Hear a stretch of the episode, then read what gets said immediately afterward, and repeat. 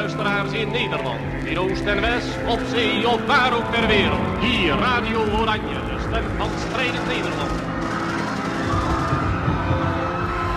Oorlog op de Veluwe. In het voorjaar van 1945 werd Nederland bevrijd. Na vijf jaar Duitse bezetting. In dat halve decennium vonden veel ongedachte gebeurtenissen plaats, die van grote invloed waren op het dagelijks leven.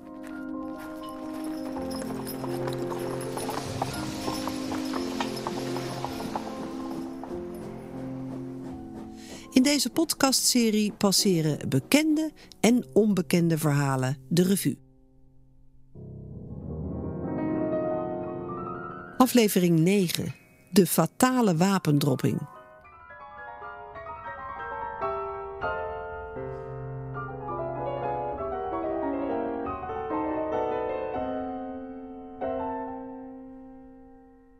Verborgen tussen percelen bos ligt de Keuyenklep.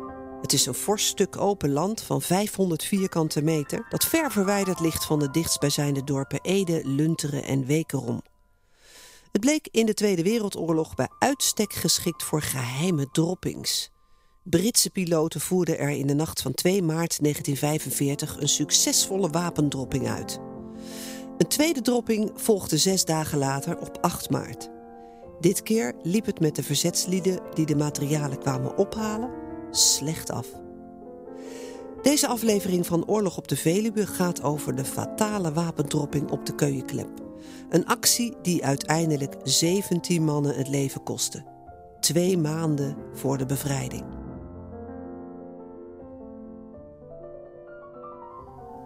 Het verhoor van de personen heeft ongeveer 10 dagen geduurd. Ik heb niet gemerkt dat zij tijdens het verhoor geslagen zijn. Verschillende van hen zagen wel geschonden uit, doch dit was veroorzaakt omdat verschillende zich bij hun arrestatie verzet hadden en in handgemeen waren geraakt met de leden van de patrouilles. Ze zijn zo spoedig mogelijk naar Amersfoort overgebracht, omdat zij op de Eekhorst niet veilig genoeg opgesloten konden worden.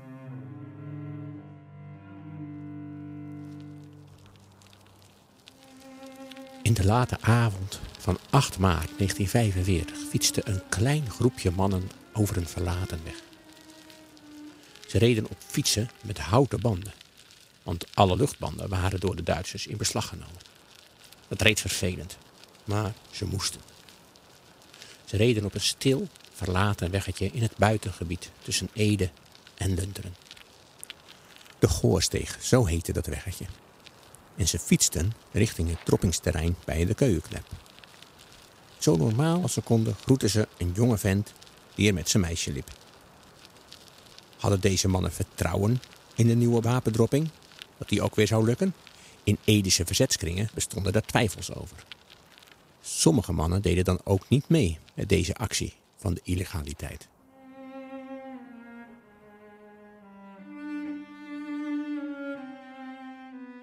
In de laatste maanden van de oorlog kreeg het Edische verzet forse klappen te verduren. Een week voor de lang verbeide bevrijding van Lunteren en Ede op 16 en 17 april 1945 arresteerden de Duitsers maar liefst 30 verzetslieden. Los, los, los! Sneller, sneller, sneller! Op drie na overleefden zij de oorlog. Die arrestatiegolf had alles te maken met een gebeurtenis van slechts anderhalve maand eerder. Los, los, los! Begin maart waren 17 andere verzetslieden ook gearresteerd. Mede dankzij hun inlichtingen waren de Duitsers die 30 anderen op het spoor gekomen. Die 17 mannen waren betrokken geweest bij een wapendropping in de nacht van 8 op 9 maart 1945. Die was gepland op de Keukenklep, een open plek in het bos in het buitengebied van de gemeente Ede. Deze mannen overleefden de oorlog niet.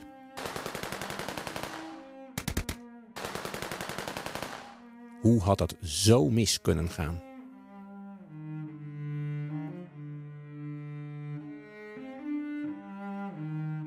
De voortekenen die waren zo goed geweest. Al drie keer eerder waren er namelijk min of meer succesvolle wapendroppings uitgevoerd. De eerste had op 10 november 1944 plaatsgevonden en de tweede anderhalve maand later in de nacht van 28 op 29 december. Een dikke twee maanden later zou dan de derde wapendropping plaatsvinden. In de nacht van 2 op 3 maart wierp een vliegtuig van de Britse Royal Air Force onder meer wapens voor het verzet af. Daarnaast sprongen er twee geheimagenten uit het vliegtuig en werden er vier radiopakketten gedropt. Dat gebeurde ook op de keukenklep. Een week later zou dat kunststukje moeten worden herhaald. Hoe het die nacht en de dagen daarna gegaan is, vertelt Truus Lokhorn. Truus is onder meer projectleider Airborne luchtlandingen en herdenking bij de gemeente Ede. Wij ontmoeten elkaar bij het monument dat is opgericht voor omgekomen Edische verzetslieden. Ja, ik, zit hier nou bij het mausoleum in Ede. Een groot monument van, nou ik weet niet hoe lang dat is. Dat is, nou ik denk wel 30, 40 meter breed. Met 40 stenen waarop namen staan en waarachter bij veel van die stenen ook daadwerkelijk de resten van de bezetstrijders liggen. En bij sommigen niet, sommigen staat begraafplaats onbekend, maar hun namen staan er dus wel op. En voor mij is een groot grasveld en daar is vooral op 4 mei staat dat helemaal zwart van de mensen. En ik heb hier afgesproken met Truus Lokhoorn. En Truus, wat is daar nou gebeurd? Wat is de keuklep op zich? Wat is dat eigenlijk voor een naam? Weet jij dat? De keuklep betekent iets van uh, biggenveld of zoiets. Uh, het is in ieder geval een open plek in het bos waar waarschijnlijk in het verleden waar men varkens rond liet lopen of zoiets. Het is in ieder geval een soort beschutte plek omzoomd door bomen. Zo zou je het kunnen definiëren. Ja, en juist omdat het een beschutte plek was omzoomd door bomen, was het ook geschikt voor een wapendropping. Dat klopt, dat klopt. En dat is natuurlijk ook gelukt. Op 2 maart is die uh, wapendropping geweest en dat was heel erg succesvol. Ja, uh, op 2 maart wel. Op 2 maart wel. Maar daarna? Maar daarna. Daarna toen uh, kwam er eigenlijk vanuit Londen nogmaals de vraag van... Goh, uh, kunnen we nog een keer een, uh, een, een lading komen droppen? En kunnen we dan nog een keer gebruik maken van, van diezelfde plek? En toen ontstond er eigenlijk binnen de uh, verzetsgroepen wel wat discussie. Want de een zei van nou, het, het, kan wel, want we hebben het in de gaten gehouden. We hebben geen Duitsers gezien, dus het zou moeten. Maar anderen zeiden van ja, weet je, dat dreunende vliegtuig, s'nachts om 12 uur, die nog eens een keer extra over kwam vliegen. Uh, die nog eens een keer de boordlichten aandeed uh, en, en, nog hè, als, als afscheid bij het wegvliegen. Dat moet toch opgemerkt zijn. Maar goed, er waren aan de andere kant geen signalen dat dat zo was. Dus uiteindelijk besloot men om het toch nog een keer te proberen. Het was niet een verplichting die zij opgedragen kregen vanuit Londen. Ja, wat is een verplichting? Je voel, ik denk dat ze zich moreel verplicht voelden om, om te helpen voor het geval hè, die bevrijding kwam en er voldoende wapens zouden zijn om te helpen in die, in die bevrijdingsopmars. Uh, uh, Want dat was echt de bedoeling van die wapendroppingen? Dat was echt de bedoeling van de wapendropping. Er, was, uh, er waren gewoon te weinig wapens, er was gewoon te weinig materieel. En uh, de geallieerden hadden dat ook wel goed in de gaten. En vandaar dat ze toen alle uh, verzetsgroepen eigenlijk onder één leiding hebben ge geplaatst, hè, de Binnenlandse strijdkrachten. En van daaruit gezegd, dan gaan we ook iedereen zoveel mogelijk bewapenen om ons straks te kunnen helpen. Met uiteindelijk een bijzonder tragisch resultaat. In Ede zeker, ja.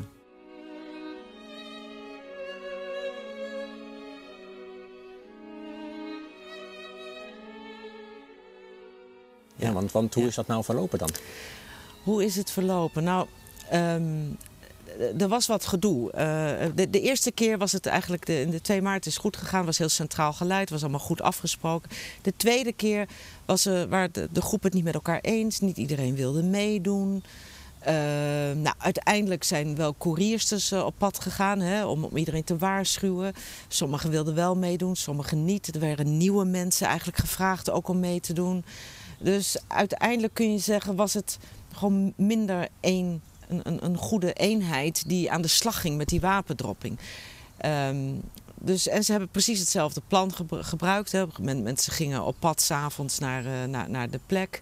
Uh, maar toen bleek dat er ook al een andere groep was. Het, het, ja, uiteindelijk komt het vaak neer op, op communicatie. En um, Um, uh, ja, ik, ik, het, het, was gewoon niet, niet goed voorbereid, denk ik. En te snel natuurlijk na die 2 maart. Die Duitsers die... zullen toch, toch iets opgevangen kunnen hebben, wellicht. Dat was zo, maar uiteindelijk was een fatale begroeting, uh, een, een, een, een, een groet op een fiets, is eigenlijk de groep fataal geworden. Een groet op, een groet op een, fiets. fiets. Ja. Welke fiets? Ja. Waar? Ja. Hoe? Ja. Er waren twee mannen die gingen, nou iedereen ging op de fiets, uh, groepjesgewijs daar naartoe. Um, ja, en dat was nogal afgelegen. Het hè? is heel erg afgelegen. Dat, was, dat is nu zo en dat was toen eigenlijk ook zo. Um, en iedereen ging daar natuurlijk uh, on, zo onopgemerkt mogelijk en zo onopvallend mogelijk naartoe. Twee van die mannen die, die, die zitten op de fiets, zijn natuurlijk allemaal jonge mannen. En die, uh, op die, uh, op die uh, weg daar naartoe ontmoetten zij Klaas Dekker. Klaas Dekker was aangesloten bij de organisatie TOOT, een Nederlander. En die groeten zij en die gaan weer weg. En die Klaas Dekker die denkt, hoe kan dat nou? Dit zijn jonge mannen. Eigenlijk zou iedereen van die leeftijd te werk gesteld moeten zijn.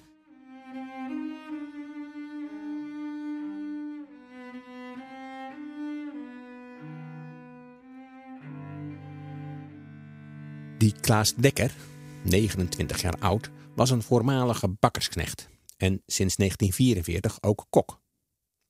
Naar eigen zeggen had hij in 1943, zo vertelde hij tenminste na de oorlog, vijf maanden gevangen gezeten in Scheveningen omdat hij Joodse onderduikers had geholpen.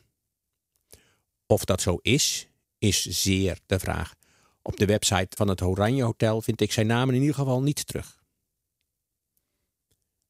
Een jaar later solliciteerde Klaas als kok bij het vormingscentrum van de NSB bij Lunteren op landgoed de Schelenberg.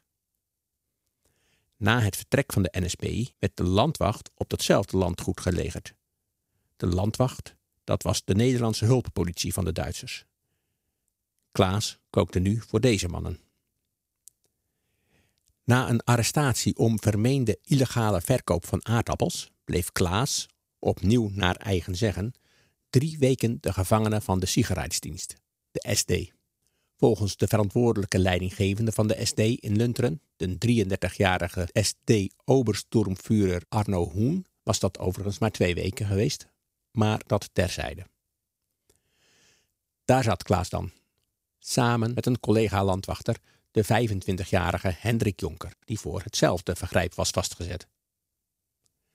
Beiden werden daarna vrijgelaten en te werk gesteld bij de organisatie TOT. Dat was een nazi-bouwonderneming en die bloeide in Europa op dankzij honderdduizenden dwangarbeiders die verdedigingswerken voor de Duitsers moesten bouwen. Ook Klaas en Hendrik moesten daaraan meehelpen, maar Klaas meldde zich al na een week ziek. Waarschijnlijk was dat eind februari 1945. Een dikke week later, op 8 maart 1945, had Klaas een baaldag. Zijn fiets was gestolen bij boerderij de Korhoen aan de Lunterse bosweg op landgoed de Schelenberg, dus vlakbij zijn voormalige werk. En het gestolen rijwiel, dat was nog wel eigendom van de landwacht. Na de oorlog was Klaas een van de velen die werden verhoord door de Edese politie. Over die bewuste avond vertelde hij... Omstreeks 9 maart ging ik met mijn meisje naar de Goorsteeg. Waar ik in een woning genaamd de Korhoen nog enkele kledingstukken had liggen. Mijn meisje zat bij mij achter op de fiets. Bij de Korhoen gekomen zette ik mijn fiets tegen de zijkant van het huis en ging met mijn meisje naar binnen. Toen ik ongeveer om 7 uur weer naar buiten kwam, merkte ik dat mijn rijwiel was verdwenen. Even tevoren had ik enkele personen voor de woning gezien, zodat ik die van diefstal van mijn fiets verdacht. Ik zag, zag nog meerdere groepjes personen over de Goorsteeg fietsen. In totaal ongeveer uh, 40 man.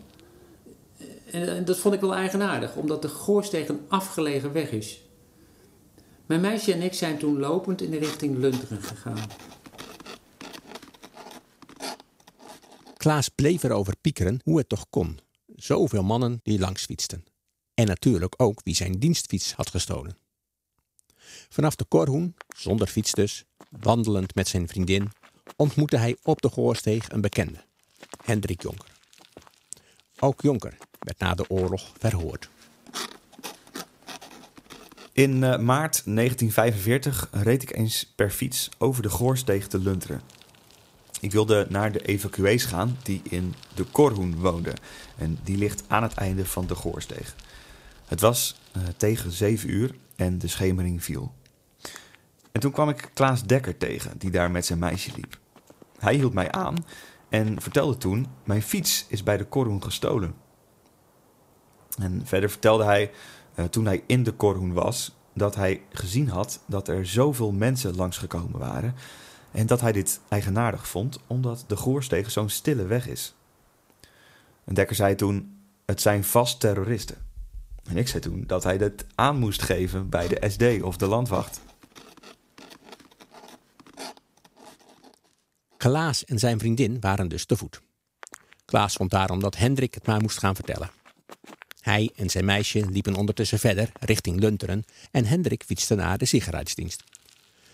Gealarmeerd door Jonker gaf SD-Obersturmführer Arno Hoen, de leider van de SD in Lunteren, de opdracht aan Hendrik om ook Klaas naar hem toe te sturen. Hendrik en Klaas kregen vervolgens samen de taak hun verhaal te vertellen aan de ortscommandant van Lunteren. Enige tijd later trokken Duitse militairen, SD'ers en Nederlandse landwachters met tientallen mannen richting het droppingsterrein. Na de oorlog vertelde Klaas vriendin over de grote spijt die haar vriend voelde. Na de bevrijding, doch voor zijn arrestatie, heeft Dekker tegen mij gezegd: was mijn fiets maar nooit gestolen. Dan was het ook nooit zo ver gekomen. Hij bedoelde daarmee dat hij in dat geval nooit zijn aandacht had laten vallen op die mensen die hij op de Schelenberg en bij zijn huis gezien had. Maar ja, zover was het dus wel gekomen. Ondertussen verliepen de zaken op de keukenklep wat moeizaam. Veel gedropte parachutes dreven met hun lading af. Ze kwamen in bomen terecht.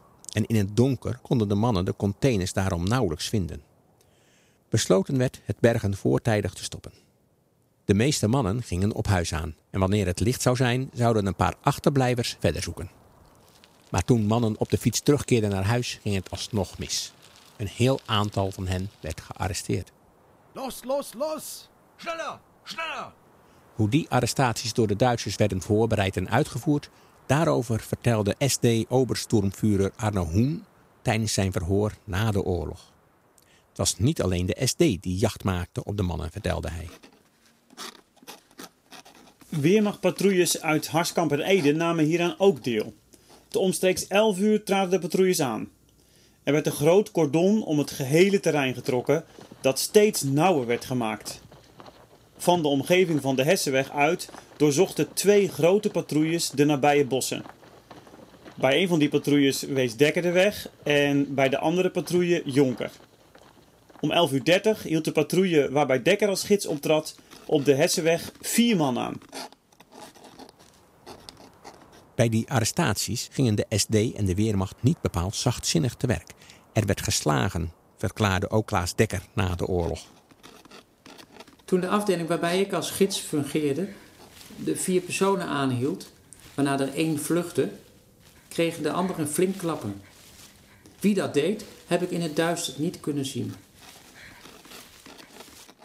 Logisch dat Klaas dat niet goed zag, want met die klappen viel het allemaal reuze mee. Werden er mannen geslagen? Wel nee. Dat stelde in ieder geval Arno Hoen tijdens zijn verhoor. Te omstreeks 12 uur werden ongeveer vijf personen in een soort schaapskooi ontdekt door de patrouille waarbij Jonker als gids optrad. Deze personen werden naar de verzamelplaats gebracht en bleken eveneens in het bezit van wapenen te zijn. Bij de patrouilles waren ook nog andere landwachters ingedeeld, omdat de landwacht in deze omgeving gelegerd was geweest en zij de omgeving goed kenden. Ook konden ze als tolk optreden. Toen het na 12 uur te donker was geworden, werd de actie gestaakt tot de ochtendschemering.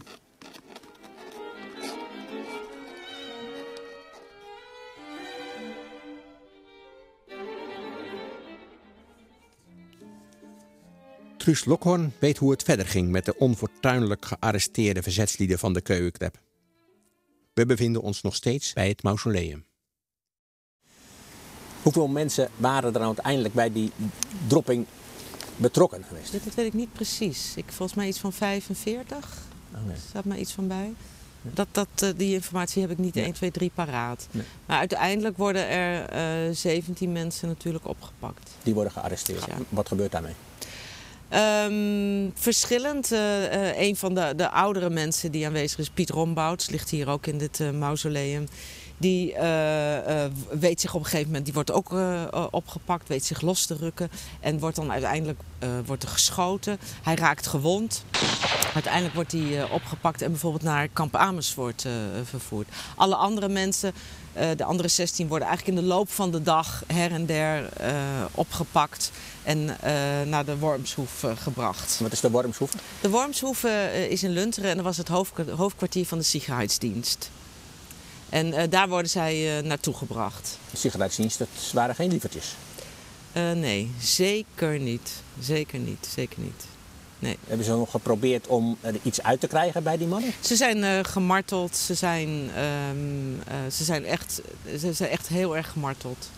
En daardoor um, uh, zijn ze ook in staat om, om de meeste mensen op te pakken. Ja, echt de vreselijkste dingen zijn gebeurd.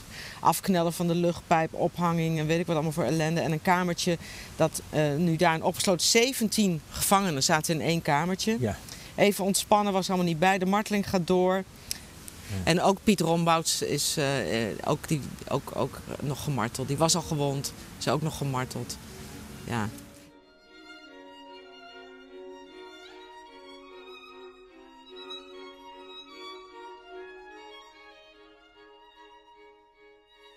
De Warmshoef. Dat was een luxe villa waar de Gelderse Sicherheidsdienst zich na de slag om Arnhem had gevestigd. Daarin huisde een aantal zeer beruchte SD'ers. Onder hen de 38-jarige Duitser Friedrich Enkelstrot en de 34-jarige Nederlander Ries Jansen. Die wisten wel hoe ze de verhalen uit de mannen konden krijgen. De volgende dag bezochten de Duitsers het droppingsterrein.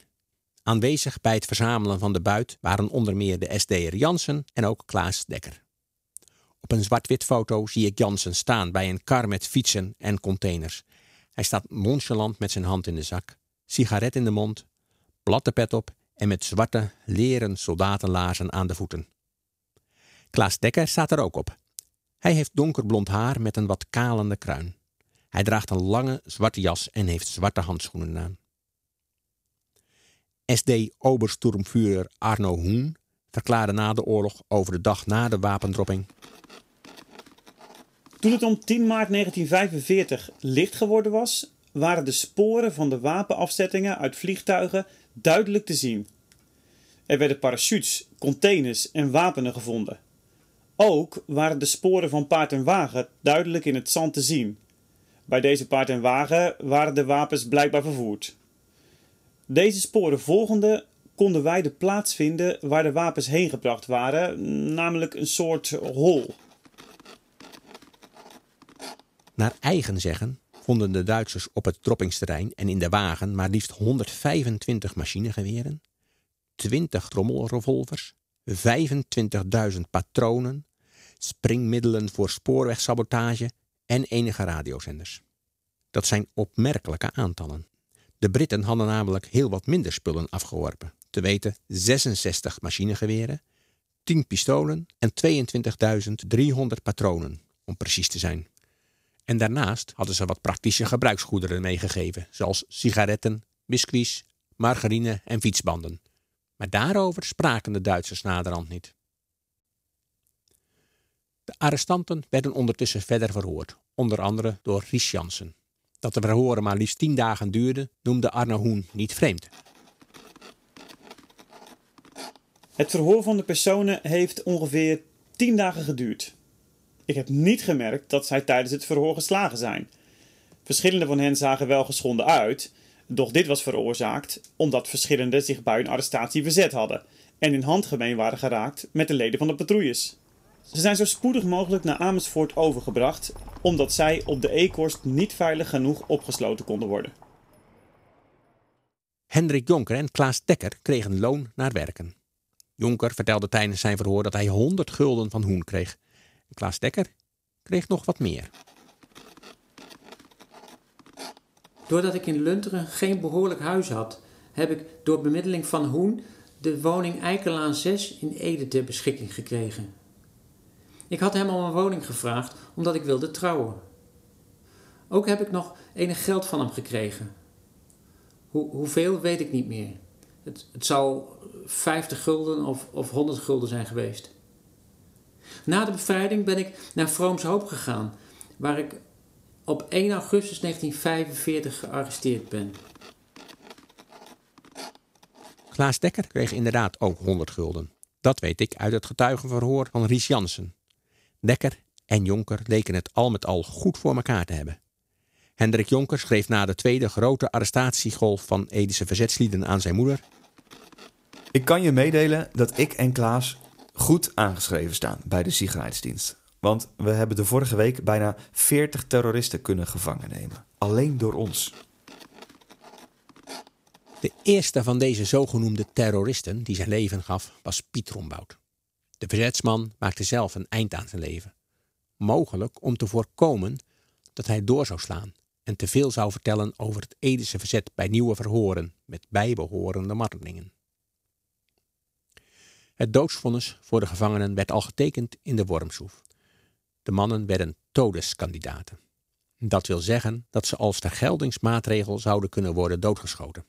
En dat zou gebeuren wanneer een aanslag op Duitsers of Duitsgezinde Nederlanders zou worden gepleegd.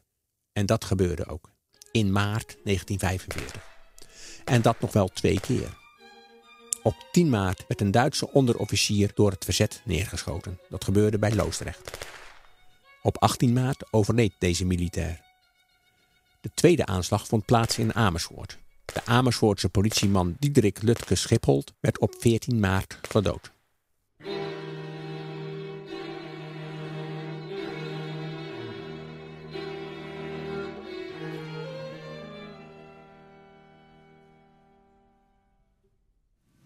Wat gebeurde er na de Wormshoef met hen? Na de Wormshoef en na al die martelingen worden ze uiteindelijk naar uh, kamp Amersfoort uh, uh, vervoerd, waar ze in de dodencellen terechtkomen. Want hun doodsvonnis was eigenlijk al getekend. En daar moeten ze hun lot afwachten wat er dan gaat gebeuren.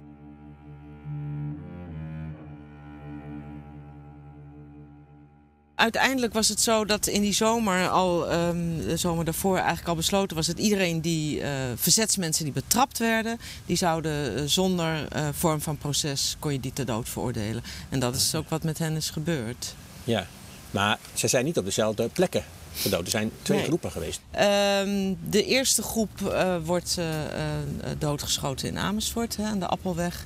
En de andere groep in Loosdrecht. En eigenlijk ook als een, een, een daad door, door de, voor, voor de Duitsers om te laten zien wat er met verzetsmensen gebeurt. Ja. En in Loosdrecht was vlak daarvoor een Duitser doodgeschoten. En nou ja, als een soort represaille ook. En ook om te laten zien van nou, hoe, hoe machtig ze zijn. Eh, en hoe achterloos je eh, omgaat met verzetsmensen, hebben ze daar die mensen doodgeschoten en ook gewoon laten liggen. Gewoon laten liggen. Gewoon laten liggen, ja. Ja, in, dat is ook in, nog in maart 1945 gebeurd. 20 maart. 20 maart. Ja. Ja. Wow. Ja. 20 april was de bevrijding ongeveer. Dus Ja. het is een maand voor Een de maand bevrijding. tevoren, ja. Ja. Ja. Wow. Ehm, en hun lichamen, hè, eh, zo- zoals ik eh, ook wel eerder zei, hun lichaam worden echt achterloos achtergelaten als een grimmige boodschap aan het verzet. Ja. En, en eh, dat was in Loosdrecht. En in Amersfoort zijn er ook een aantal doodgeschoten. In Amersfoort zijn de eerste gefusilleerd. Op dinsdagmorgen 20 maart om half acht. Ja. En dan stopt er een eh, vrachtwagen op de Appelweg in Amersfoort. Dat was eh, daar, naast de Juliana van Stolberg kazernes. Er waren toen nog kazernes. Ehm, en daar worden tien van, van die verzetsgroep, eh, tien mensen worden daar gefusilleerd. En daar worden ze eigenlijk hardhandig tegen een tuinmuur aangezet. En voor het oog van een toevallige voorbijganger worden ze gefusilleerd. Het is, ja, het is vreselijk. Mensen liepen daar gewoon, s ochtends om half acht. Of om Uiteindelijk werden dus alle 16 mannen gefusilleerd. Om enkelen van hen te noemen: de broers Barend en Elbert van Veenendaal, 25 en 27 jaar oud. Ferdi Rombout, 19 jaar. Bart van Elst, 27 jaar. Jo Kelderman, 26 jaar. en Gerrit Boonzaaier, 62 jaar. Hij was het enige slachtoffer dat gearresteerd werd omdat zijn naam werd genoemd tijdens de verhoren in de Wormshoef. Opmerkelijk is dat Truus Lokhorn zelf, al vanaf haar Amersfoortse jeugd af, een band met deze geschiedenis heeft gehad, zonder dat ze dat overigens zelf besefte. Daar kwam ze pas in Ede achter. Ik ben van 1959, dus ik ben nog van de generatie dat mijn opa en oma de oorlog uh, hadden meegemaakt en daar ook altijd over vertelden. Maar ik woonde in Amersfoort, vlak bij de Appelweg. En als je van mijn huis naar het centrum van Amersfoort liep, liep je eigenlijk altijd over de Appelweg. En uh, dan kwam ik altijd voorbij die fusiadeplaats. En daar hangt een, uh, een plaquette met namen. En hier zijn gefusilleerd op 20 maart. En dan denk je, oh ja, ja wat, wat zou daar nou gebeurd zijn? Wie waren die mannen? Maar ja, dan denk je eigenlijk verder. Daarna ga je verder met je leven en, je wordt groot en je gaat ergens anders wonen. Totdat ik op een gegeven moment hier in Ede kwam uh, werken. En hier uh, verantwoordelijk ben voor de 4 mei-herdenking. Hier op dit mausoleum. En het grappige is, de eerste paar jaar had ik nog helemaal niet in de gaten dat dat dezelfde ma mannen waren. Als waar ik uh, toen ik op de middelbare school zat, elke dag langs liep. En ja, zo is de cirkel weer rond. Waar ik toen langs liep, sta ik nu herdenk ik ze samen met natuurlijk uh, iedereen die hier dan staat. Elk jaar op 4 mei. Ja. En noemen wij hun namen. Die namen die ik nog ken uit mijn jeugd. Ja. Dus die namen die herkende je ook? Ja, ja, ja. Ja, ja. zeker. Zeker.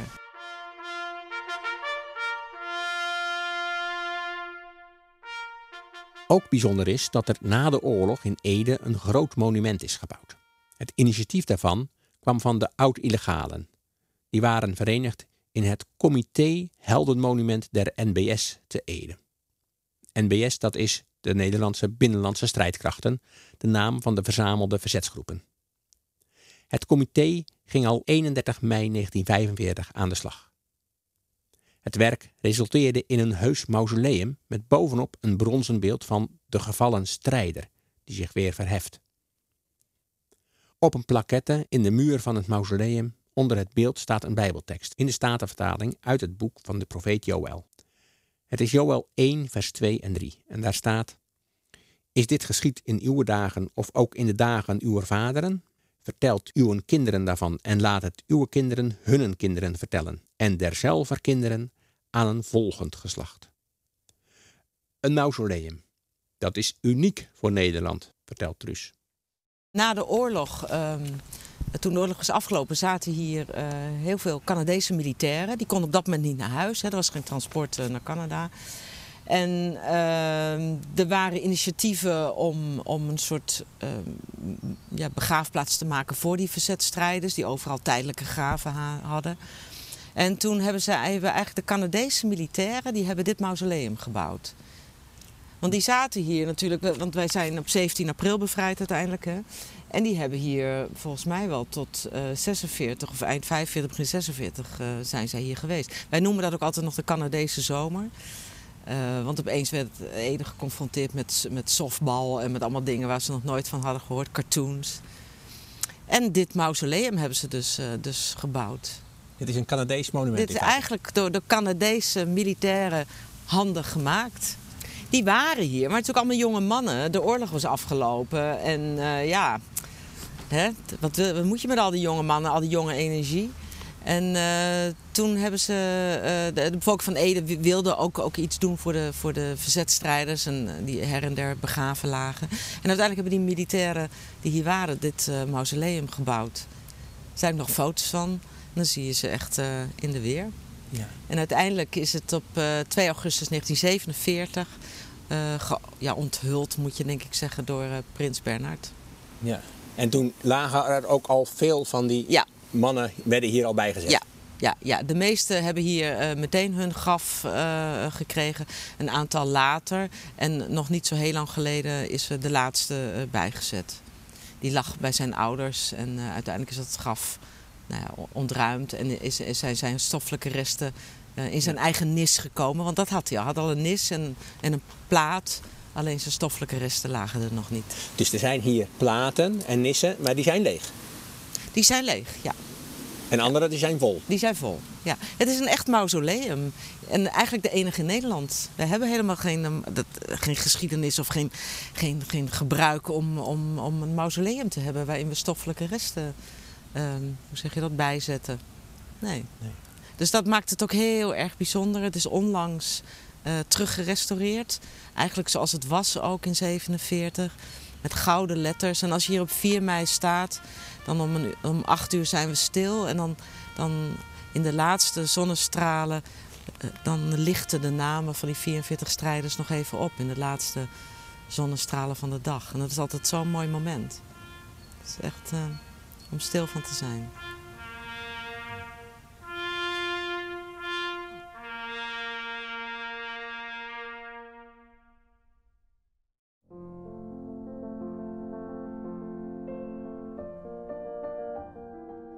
Was een aflevering van de podcastserie Oorlog op de Veluwe. De muziek die u hoorde kwam uit de Arioso for cello van de componist James Simon, vermoord in Auschwitz in 1942. Daarnaast hoorde u stukken uit een strijkkwartet van de Joodse componist Daniel Belinfante. Op 27 januari 1945 vermoord in het concentratiekamp Fürstengrube, een werkkamp van vernietigingskamp Auschwitz. U hoorde ook stukken uit de Prelude voor piano opus 1 nummer 1 uit 1940 van Michel Hillesum. Deze muziek werd gebruikt met vriendelijke toestemming van de Leo Smit Stichting te Amsterdam, kenniscentrum over componisten die tijdens de Tweede Wereldoorlog vervolgd zijn. De serie is gemaakt in opdracht van de bibliotheken gemeente Nijkerk door Anton van Rensen van Historytelling, Bureau voor Crossmediale Geschiedenisproducties uit Nijkerk, in samenwerking met Piet Nelemans Producties uit Veenendaal. Aan deze aflevering werkte mee Truus Lokhoorn van de gemeente Ede, Gerard Boersema als Klaas Dekker, Piet Nelemans als Hendrik Jonker, Hugo Scherf als SD Obersturmführer Arno Hoen en Suzanne van Rensen als de vriendin van Klaas Dekker. De aflevering kwam tot stand met steun van de gemeente Ede en het Mondriaanfonds, het publieke stimuleringsfonds voor beeldende kunst en cultureel erfgoed.